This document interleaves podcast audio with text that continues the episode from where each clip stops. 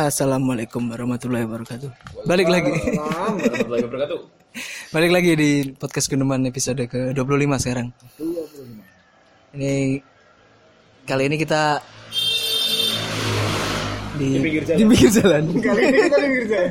Di pinggir sirkuit Sentul. Punya sirkuit. Ini kita mungkin yang lagi rame minggu-minggu ini emang baru-baru kemarin ya, dua hari yang lalu atau kemarin?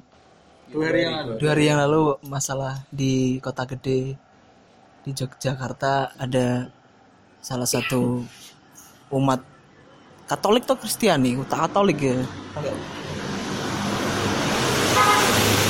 Maka nisan di makamnya digergaji sama warga setempat. Menjadi letter T. Yang punya salib jadi huruf T. Ya mungkin itu artinya toleransi T. Atau itu bukti bukti agar toleransi terlihat itu ya itu pakai T. Bukan pakai plus. Iya, jadi anehnya tapi orang-orang nggak tahu ya dari siapa sibuk ber- mengklarifikasi kasus tersebut. Ini Sampai ada ada apa? Eh, surat dengan tanda tangan dan materai yang yang bilang bahwa Surat pernyataan eh, pernyataan bahwa itu sudah diselesaikan secara kekeluargaan. Waduh. Keluarga lebihnya. Tapi katanya pihak pihak apa pihak gereja atau pihak itu masih ada investigasi khusus untuk ben- kebenarannya atau enggak sih karena memang disinyalir ternyata orang-orang yang eh, apa ya menekan itu bukan orang-orang situ ternyata dia bukan warga situ. Karena memang warga situ sebenarnya sudah sudah sudah mau ada prosesi pemakaman ada prosesi doa di rumahnya. Terus tiba-tiba ada sekelompok orang datang terus memaksa untuk eh, memotong nisannya tersebut dan eh, tidak tidak melakukan ritual ritual ritus doa pokoknya doa untuk meninggalnya itu di rumahnya. Nggak tahu kenapa. Gimana Gus? Intoleransi kayak gini makin berantakan aja ini di Indonesia ini makin ke sini ya, anehnya kok di Jogja gitu loh. Maksudnya setahu gue maksudnya Jawa Tengah ini banyak orang Nasra, na- Nasrani ya. Iya. Tapi kok tapi kok malah kasus-kasus kayak gini terus ada di Yogyakarta. Kemarin juga salah satu jurnalis Tirto juga bilang maksudnya ber- dari tahun-tahun dari tahun ke tahun pasti ada kasus into- intoleran di di wilayah Yogyakarta. blow up ya sebelum Heeh.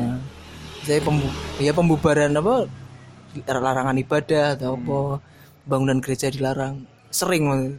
tapi kok di Jogja kok Kalau Jawa sing Barat mungkin nggak heran ya? Kalau Jawa Barat mungkin nggak heran. Tapi Jogja Tapi Surabaya. Surabaya. Biasa banget Surabaya. kan aneh aneh hal ini yang tapi akhirnya baru tadi Sul- Sultan meminta maaf. Baru, baru mem- Kepada siapa? iya bahwa memang ada intoleransi itu. Sebelumnya kan masih kemarin masih bilang iya bilang eh, kayak menolak itu ya kayak apa? Kayak nggak ada ini nggak ada. Ya, namanya denial tanya Sultan denial di bahwa itu sudah kesepakatan bersama. Tapi yuk goblok-goblokan yuk namanya nisan digergaji yuk walaupun kesepakatan yuk gara-gara ditekan kan maksudnya. Tapi kenapa orang sibuk mengklarifikasi? Ini nggak usah terbawa isu, nggak usah. Nek bukan orang situ nggak usah ikut komentar. Nah, tapi nek terpapar ambek informasi kayak gitu wis gak, gak usah dipikir angel-angel wis. Pasti ada intervensi ada ada tekanan dari mayoritas yang pasti Islam. Dan katanya kan itu kan makamnya bisa jadi kan itu tanah wakaf atau apa. Kan makam tiap agama kan ada kan ada. Sendiri sendiri kan ya di sendiri sendiri kan ya, tapi piye nih makam kok masuk bakal tonggo-tonggo nih makamnya bakal ikut jadi Kristen. Di dalam terjadi kristenisasi di dalam tanah ya. Yang yang sebenarnya disoroti kan kayak hal kayak gini nggak perlu kita nggak perlu jadi SJW dan nggak perlu jadi plura- pluralis untuk untuk tahu kalau ini bukan suatu yang benar gitu loh. Apa? Eh, intervensi kepada minoritas ya minoritas. Makin ke sini makin makin kenceng makin eh, narasi-narasi yang disuguhkan selalu minoritas harus tahu porsinya dia di kehidupan itu seperti apa. Padahal ya, ya harusnya mayoritas itu yang harus tahu gimana eh, dia berkelakuan agar tidak apa tidak memakan porsi dari minoritas tersebut. Kalau Dito sebagai minoritas gimana tuh? itu malah saya kemarin membaca ada yang itu ya apa kayak mengaitkan dengan wah adat istiadat atau apa gitu ya. Malah dilemparkan ke sana itu juga malah semakin membingungkan ya. Karena menjaga adat istiadat dan ya Michael Schumacher lewat terus eh kemarin disakaitkan sama apa lagi ya? Tapi ya itu sih kayak Bagas bilang tadi apa banyak yang mencoba mengklarifikasi bahwa itu tidak terjadi dan telah terjadi kesepakatan yang timbul karena adanya Intervensi. ya tekanan tadi itu ya. Terus mau nggak mau kan minoritasnya akhirnya ya ya ya ya ya. Kok ya untungnya kok. B untungnya kok baik gitu ya. Dan dia ini mengiyakan dan tidak Harus baik. Baik mungkin ya nggak tahu ya tapi se intoleran intoleran nih saya kira ini baru pertama kali tak kira ini baru pertama kali di Jogja. Ternyata pernah ada Eh mungkin ya sebelum sebelumnya sebelumnya memang nggak ke blow up banyak nggak ke blow up. Tapi yang yang ini memang parah sih sangat parah. Sampai eh, keuskupan Semarang itu sampai berani angkat bicara kan. Dia bikin apa namanya ini? Eh iya kefikapan Jogja sama keuskupan Semarang sampai eh, bikin komisi keadilan perdamaian dan keutusan ciptaan KKP KC ini eh, menunjukkan adanya intimidasi dari sekelompok pendatang. Maksudnya sekelompok pendatang itu kayak gimana? Apakah ada orang luar orang luar dari desa itu tiba-tiba datang terus, oh ini salib ini gergaji nggak boleh atau atau memang pendatang itu orang yang baru baru aja menetap di desa itu. Yang kita nggak tahu di situ. pihak eksternnya itu ya Hmm, hmm, hmm. terang rancunya pihak ekstern yang apa ngebung-ngebungi apa Iya, me- menekan, menekan. Dan mereka langsung langsung menyodori surat itu, surat eh, kesepakatan bahwa itu sudah terjadi secara sukarela. eh. dan suratnya itu bukan bukan surat yang yang dibuat saat itu juga, tapi memang sudah ketikan, ketikan sudah sudah rapi gitu, seperti sudah sudah ada rencana untuk untuk melakukan hal tersebut. Yang kayak gini sebenarnya bisa dikriminalisasi ya, bisa dianggap hal kriminal. ya? mengintervensi eh, keyakinan orang lain gitu. kalau soal hukumnya ya nggak ngerti ya maksud hukum negara loh tapi he- yang bikin saya heran tuh kenapa yang dipotong bagian atasnya bukan kiri kanan ya, ya. Kiri kan jadinya kayak papan lurus aja ya. Kira itu kayak yang lainnya ya iya. Hmm, padahal kan orang Orang kiri kanan kan bagian untuk nulis namanya tuh.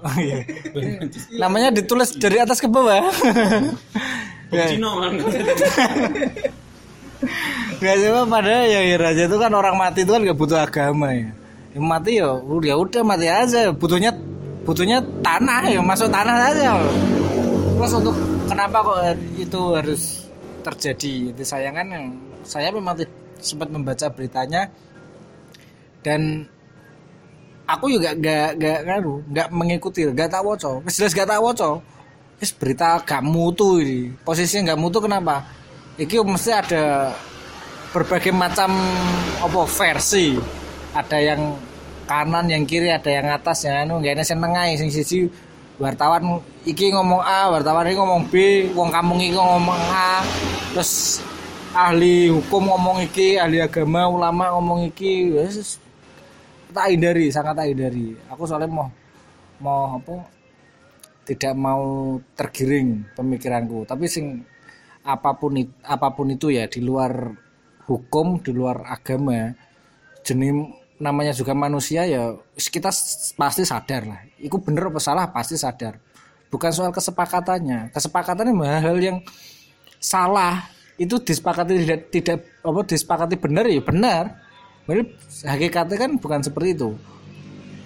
Jadi posisinya memang kalau melihat Legowo nih si siapa keluarga yang meninggal ini dari pihak Katolik itu sangat bagus sekali tak apresiasi. Tapi aku nih aku kalau membayangkan orangnya ketika Bu Pak tanda tangan ya kalau masalahnya itu seperti seperti ini. Yang datang tiga truk empat truk rombongan jelas wedi lah lagi timbang kita tanda tangan ini malah dari gawe iso semati kabeh malah Yo kita harus menyadari kalau ya namanya mayoritas ketika ki- kita tidak perlu dihormati. Maksudnya dalam artian ketika kita ma- eh, mayoritas gerakan kita kan mayor kan banyak temannya juga tanpa ada peng- penghormatan. Tapi ketika minoritas melakukan sesuatu pasti pasti apa pasti akan mengalami intervensi meskipun itu secara internal. Mengalami intervensi merasa "Lah, aku paling paling beda ya. kok ngene terus kerjanya kayak ini yuk yuk aneh aja loh kenapa harus diberitakan harus ada versi klarifikasi klarifikasi si pihak A mengaku paling tahu si pihak B mengaku lebih tahu. Ya intinya kalau secara manusia ini jelas sesuatu yang gak bener. Ya gak ngerti salahnya sal- salahnya di mana tapi ini jelas tidak tidak bisa dibenarkan. Entah itu toleransi intoleransi. Ya memang ki apa intoleransi ya? Intoleransi. Bahkan yang dilakukan mayoritas itu memang in- intoleransi. Tapi yang dilakukan si minoritas ini ya toleransi. Meskipun karena tekanan terintervensi. Supaya skala jumlah ini ngono tuh Iya, mayoritas selalu benar. Tapi saya tak pikir apakah media internasional akan menulis Katolik kata gede, kota gede tertindas. Sama halnya dengan Muslim Uighur, Muslim Rohingya. Kan di media kan mesti punya framing kayak gitu. Apa? Videonya mungkin VOA Islam.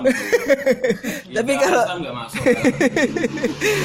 Tapi kalau atau mungkin memang saudara tertua kita ini Katolik dan Kristen mungkin lebih mudah memaafkan atau gimana akhirnya ya ya gak gak yo gak se gak gak makanya bukan bukan big deal gak sam gak sampai di gak gak di gak di romantisasi. Kalau kita kan mesti oh, muslim Uighur tertindas di Cina. Muslim Rohingya ini Rohingya? Vietnam tuh bos tertib Myanmar. Ditindas. Kita kan seolah-olah kan orang-orang Islam Islam konservatif di Indonesia kan selalu merom- mero- meromantisasi hal itu tersebut ya sama saudara seagama kita ditindas di sana. Ya, tapi terus ketika di sini sama aja. Kita jadi, jadi mayoritas tapi juga melakukan hal yang sama dengan ya walaupun batasnya nggak seserem yang yang diberitakan kalau di Uighur sampai gimana gimana diculik diculik. Tapi yo ya masa ngono terus nanti terus terus menjadi masalah yang nggak ada hentinya ya, ya memang terlalu utopis sih untuk untuk mengharapkan perdamaian sih dengan dengan gesekan lewat agama Tapi di ya kalau katanya kata-kata Bagas tadi yang menarik gini, ibaratnya kayak gini lah. Kita punya adik-adik kita eh, kita tak di beda sidik kan dia kan nangis merongrong terus iku. Nah, Kalau kakak terus dijahili adik paling kan santai tuh. Namanya kakak lebih tua selalu san, lebih lebih lebih lebih nerimo tuh. Adik itu. Tapi namanya kita punya kita punya adik terus kita isengi mama HP ini didelikno apa waduh udah rame sih apa bu kayak oh, masuk ini ini loh ya kan? Kalau saudara tua kan pasti selalu eh rapopo adikku bisa cilik gitu. Mm -mm. Eh, maafkan maafkan mereka saja gak apa-apa. Ya. kalau kalau sosok Tuhan sebagai ibu ya ngomongnya biadi ngalah aja ra apa-apa. yang selalu kayak gitu. Hmm. tapi Jadi mas yang pinter. Ya. selalu kayak gitu. Ya nggak apa-apa. Buat teman-teman ya kami selaku dari pihak Gudiman waduh. Dan karena mayoritas kami juga eh, muslim ya. Kami eh, eh, mayoritas eh, mayoritas eh, Eh, kami meminta maaf kepada teman-teman. Mewakili itu orang-orang yang mengaku muslim itu kalau intoleran. Tapi masih banyak kok orang-orang muslim yang toleran. Tapi yang di media selalu kelihatan yang intoleran. Yang nggak baca teman-teman ini saudara tua adiknya lagi rewel lagi apa yus. Ya namanya adik kan selalu kayak gitu bro. Punya adik.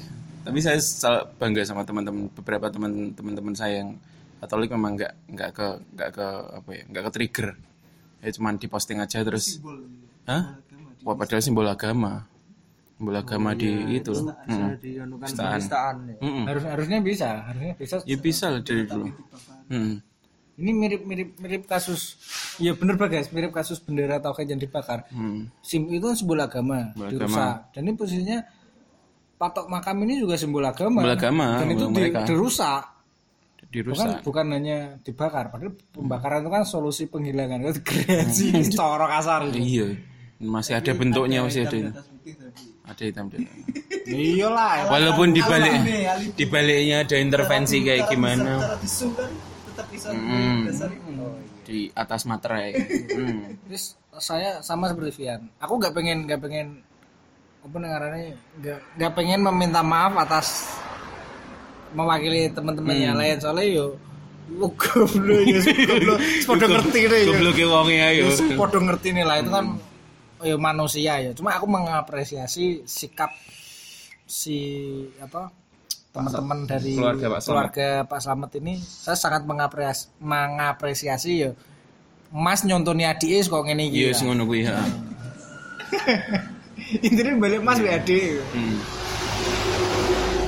karena memang yang yang lahir lebih lebih dulu kan selalu mesti mengalah sama yang lahir belakangan ya dilihat aja dari situ berapa berapa dekade berapa ratus dekade berapa ribu dekade yang lalu kan. Kalau sekarang kalau si adik ini punya adik pasti nggak nerimo pasti nanti apa kasih sayangnya orang tua itu berkurang balik ke adik jadi kalau ada adik lagi kan mesti selalu wah iki gak anak iki ya. Nggak mau nerima. Ya nggak apa-apa. Gimana lagi? Berarti di usia Yesus 2018, ya mungkin pasti memaafkan semua yang terjadi. Lebih bijaksana. Iya. Aduh udah umurnya udah 2018 umatnya di di dirasain kan? Ya.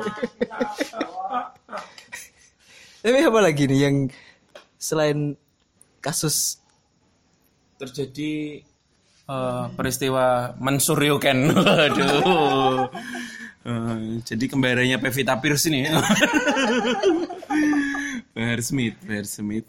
Kemarin ada video bahwa dia menganiaya ya menganiaya apa muridnya ya? muridnya ya? pokoknya itu anak di bawah umur sehingga eh, Bahar Smith ini terjadi penangkapan ke dia. Padahal dari sebenarnya dari sebelumnya waktu ada penghinaan terhadap eh, presiden kasus itu bisa aja ditangkap itu. hmm. Tapi ditangkapnya sekarang. Memang sudah ada waktunya lah untuk menangkap gitu. mayoritas Heeh. Tapi yang menang. sokongan dukungan dari mayoritas Tapi saya saya yakin ini bukan bukan aksi dia pertama kali. Pengikut dia kan nggak nggak dikit kan. Mungkin sebelum sebelumnya pernah melakukan aksi kayak gini mungkin mungkin. Tapi nggak pernah ke blow up dan ini ke blow up dan ada videonya ada ada eh, barang buktinya dan ke upload lagi. Waduh itu udah nggak bisa kehapus kalau di internet itu ya, semuanya. Iya aduh. Tapi memang kadang-kadang kalau kita apa ya terutama kayak gitu berguru ke seseorang kayak gitu kita sebagai murid tuh kita diperlakukan apa sama guru kita itu kadang nerimo aja. Nerimo. Dianggapnya itu apa ya tempaan namanya. tempaan tapi di sa- satu sisi kan selalu ada batas. Tempaan itu ada batasnya. Nggak nggak asal aja eh, lutut ketemu muka itu kan bukan bukan tempaan yang se- seharusnya dan yang lucu lagi Bapak Fadlizon waduh bilang kalau penangkapan ini adalah tindakan mengkriminalisasi mengkriminalisasi ulama. Padahal memang jelas itu tindakan pidana. Terus eh, yang yang lucu kan ini mengkriminalisasi utama ulama atau mengulamakan kriminal. Kalau buat teman-teman yang eh, sering sering eh, pernah tahu kasus-kasus kayak gini kan? Nggak mungkin kasus-kasus kayak gini pertama kali kan? Kayak guru ngapain muridnya kayak gitu, gitu.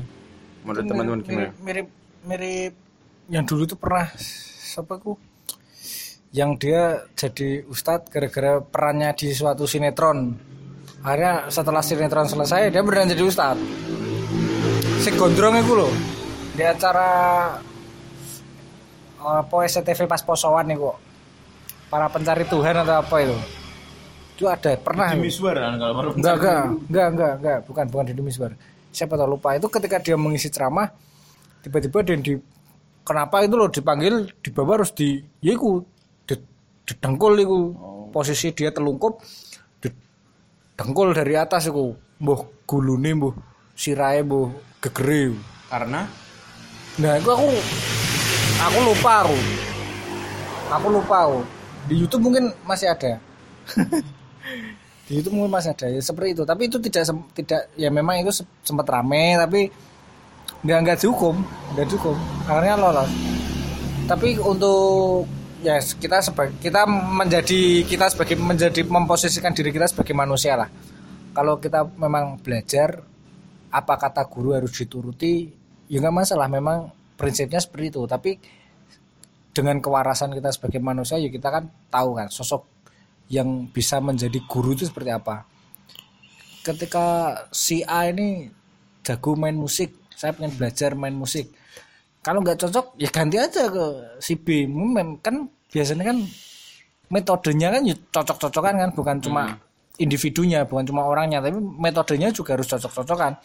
Nah misalkan itu pinter tapi metode mengajarnya tidak sesuai memang ganti saja. Loh, lembaga kursus kan juga banyak macamnya kan. Rumus matematikanya juga banyak.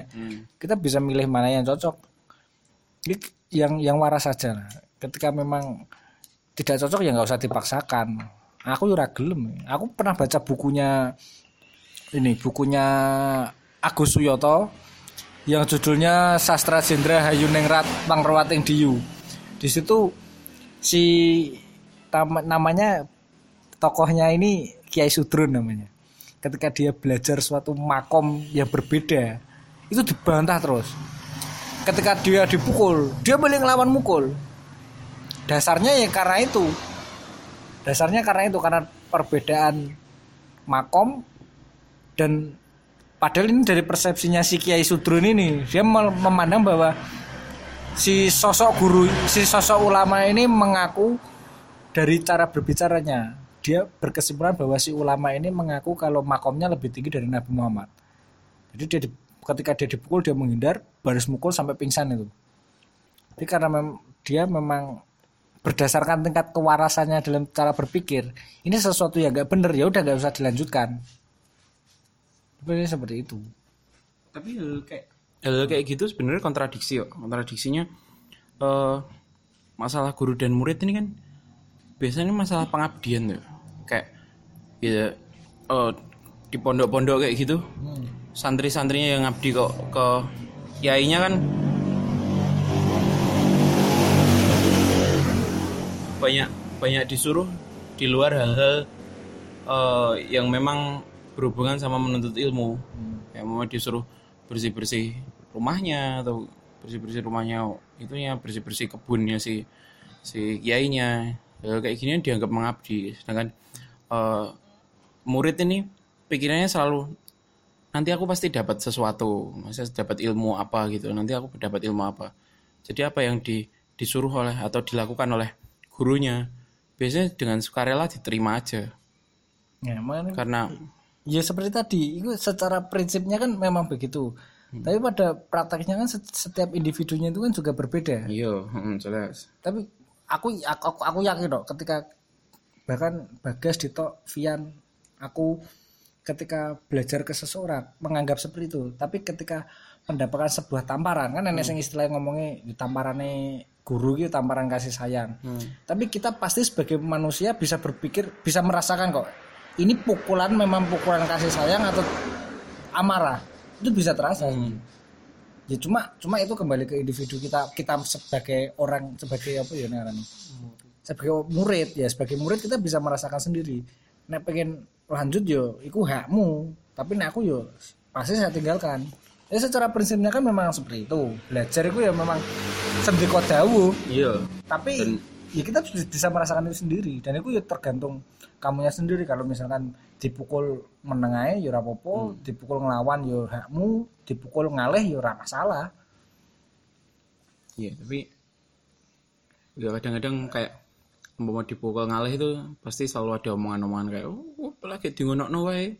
ya Itu ya. Iya, Iya, pasti kan selalu kayak gitu. lah wong dipukul diam saja ya nek omongan itu digepuk kok menengai kok gak lawan lawan hanya ada satu kata lawan gitu Ka- kalau dilawan iku gepuk mbek gurumu nglawan dadi murid apa santri kok ngono ae. sewu tahun umurku manut omonganmu ya ora cukup loh. Selalu kayak gitu. tapi tapi nek aku kalau aku kalau sudah masalah itu berbentuk norma hukum instansi lembaga itu yang susah itu yang susah karena hukumannya jenenge di sel itu sangat menyiksa aku membayangkan menyiksa Oleh orang nggak bisa ngapa-ngapain yuk. belum lagi kehidupan di sel sing jari ini digepui dimusuhi. Ya akan ada sistem sendiri yang memang tidak nyaman.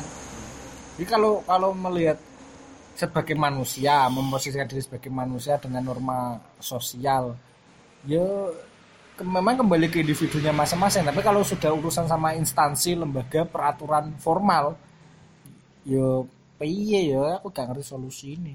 Kembali ke individu masing-masing nah aku selesai diskusi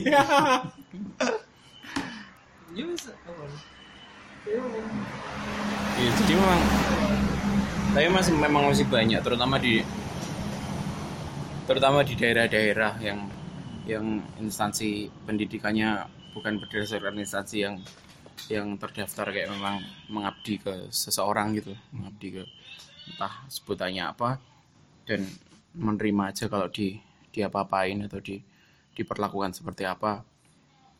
Beberapa orang masih masih percaya hal itu sebagai suatu apa ya tempaan lah Nah, itu itu juga apa ya?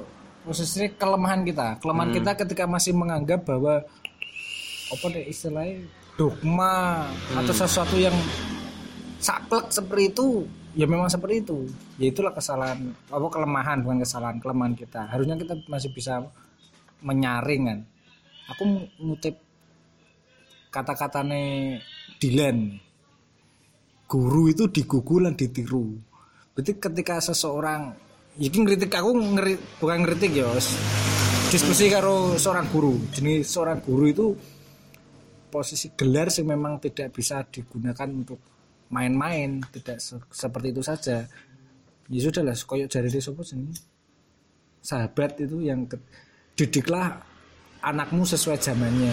Ini zamannya masih gak ngono ya harus segera dirubah. Karena proses pendidikan itu kan melanjutkan ya, kita kan berkembang karena pendidikan yang kita terima. Ketika kita dipukuli, yuk kita akan memukuli juga. Nah, proses pendidikan turun temurun itu.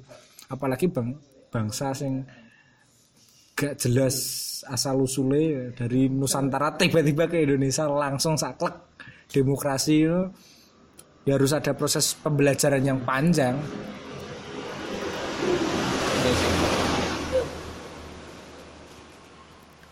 Ya mungkin bahasanya ya ini sih yang paling paling bahasan paling ramai di minggu ini mungkin ya dua ini ya mungkin. Ya cum- aku cuma pengen nambah sih lebih ke Fadlizon sih. Fadlizon dengan narasi komunikasi ulama terus bilang kalau video itu mungkin bukan Bahar Smith apa ya apa ya kok apa- iya segitunya segitunya. Ini dia mengambil peran sebagai oposisi terlalu ya terlalu nggak pernah memberikan edukasi politik terhadap masyarakat bahwa peran seorang legislatif atau mungkin partai politik kan sebenarnya juga punya peran edukasi politik kepada masyarakat luas. Jadi tindakan-tindakan dan ucapan-ucapan Fadlizon sampai sekarang mas ah, sangat-sangat bodoh. Gak masuk akal. tidak masuk akal sama dan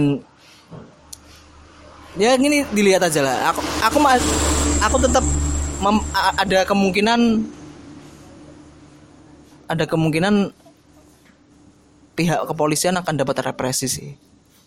Tetap ada ada gerakan pasti ini pasti bakal Bahar Smith ini bakal bakal didukung oleh tetap dengan mereka mereka Islam konservatif biar Habib Bahar ini bisa dibebaskan. Ya Demo lagi ya? iya mungkin ya mungkin mungkin ada kemungkinan ada sih. Tinggal lihatlah gimana seberani apa sih sebenarnya kepemimpinan Jokowi sama Polri untuk menangani kasus pidana kayak gini. Bikin 212 21 Februari Sebelah pokoknya sa- mungkin aja saya pergi bahar ya dibebas no aku ya gak percaya aku gak, gak yakin keadaan keadaan sing kayak gini sing Apalagi iya Islam konservatif sing sangat sangat cepat sekali progresif mereka.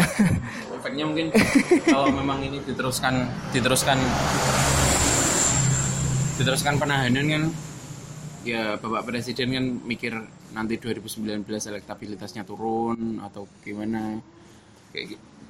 cari cari jalan aman setelah ini. Kita lihat aja yang mena- menarik lah ini. Eh, lanjutannya kayak gimana? Ini menurutku memang eh, apa edukasi untuk edukasi edukasi itu ya kita sebagai masyarakat ya kudu iso berpikir cerdas ya kritis lah. Ya berpikir secara sehat. Mesti eh using edukasi ku bener karo sing salah sing pantas dilakukan yang dan tidak pantas dilakukan. Kalau soal edukasi politik ya politik itu kan konsepnya ya caranya. Jadi ojo harus apa menggunakan politik sebagai tunggangan. Politik itu tidak di permukaan tapi konsep sebuah konsep. Nah aku melihatnya Fadlison itu pelawak nih ini bukan politikus saya pelawak. Itu bagaimana ngelawak. Dia apa sih di, di- kalau memang benar ya di kalau memang salah ya dibenarkan. Kalau dibenarkan ya dipertahankan kalau benar ya dipertahankan. Jadi kudu terus mentang-mentang oposisi elek terus dindo apa apa dindo elek. Enggak seperti itu. Masyarakat ya memang ngerti. Yang bikin elektabilitas turun ya semuanya yuk kelakuannya Dewi ya seni. Bukan tentang masa atau opo kalau kita dibikin paham sesuatu yang benar tentang kesepakatan wis kleru ya bakalan nggak ada perubahan. Kita akan sangat untuk kehidupan selanjutnya ya kita sendiri yang susah. Anak-anak kita yang susah. Ya, sebagai oposisi memang harus melawan. Itu sudah benar kan cuma kan yang dilakukan selalu saja tidak beretika. Ya mungkin kalau kata Yaya tadi kan didiklah anak sesuai zamannya. Kalau zaman sudah berubah ya disesuaikan. Tapi kalau ya mungkin untuk menutup podcast lah ya. Ini meminjam kata Pramudia Nanatur kan didiklah rakyat didiklah rakyat dengan organisasi. Terus didiklah penguasa dengan perlawanan. Ya sikolah pokoknya memang ya penguasa memang harus dilawan. Cuma yuk harus etis lah. Harus paling enggak etis dan kritis. Dan memang itu bukan black bukan fitnah bukan yo kebenaran memang yang harus diungkap. Sejelek apa pun itu kebenaran tapi bukan bukan hal sing omong kosong ya tutup tutupi seolah-olah, seolah-olah baik. Ya itulah pokoknya. Ya pokoknya untuk buat Fadlizon ya yes, bola muka-muka kepilih nih gue pokoknya. Dapat apa sebenarnya? Dari dari yang telah diomongkan kayak gitu dapat apa?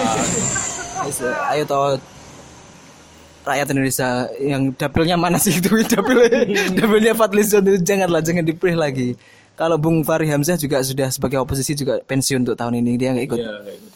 Guys cukuplah untuk podcast Udah, mas makasih. Assalamualaikum. Waalaikumsalam warahmatullahi wabarakatuh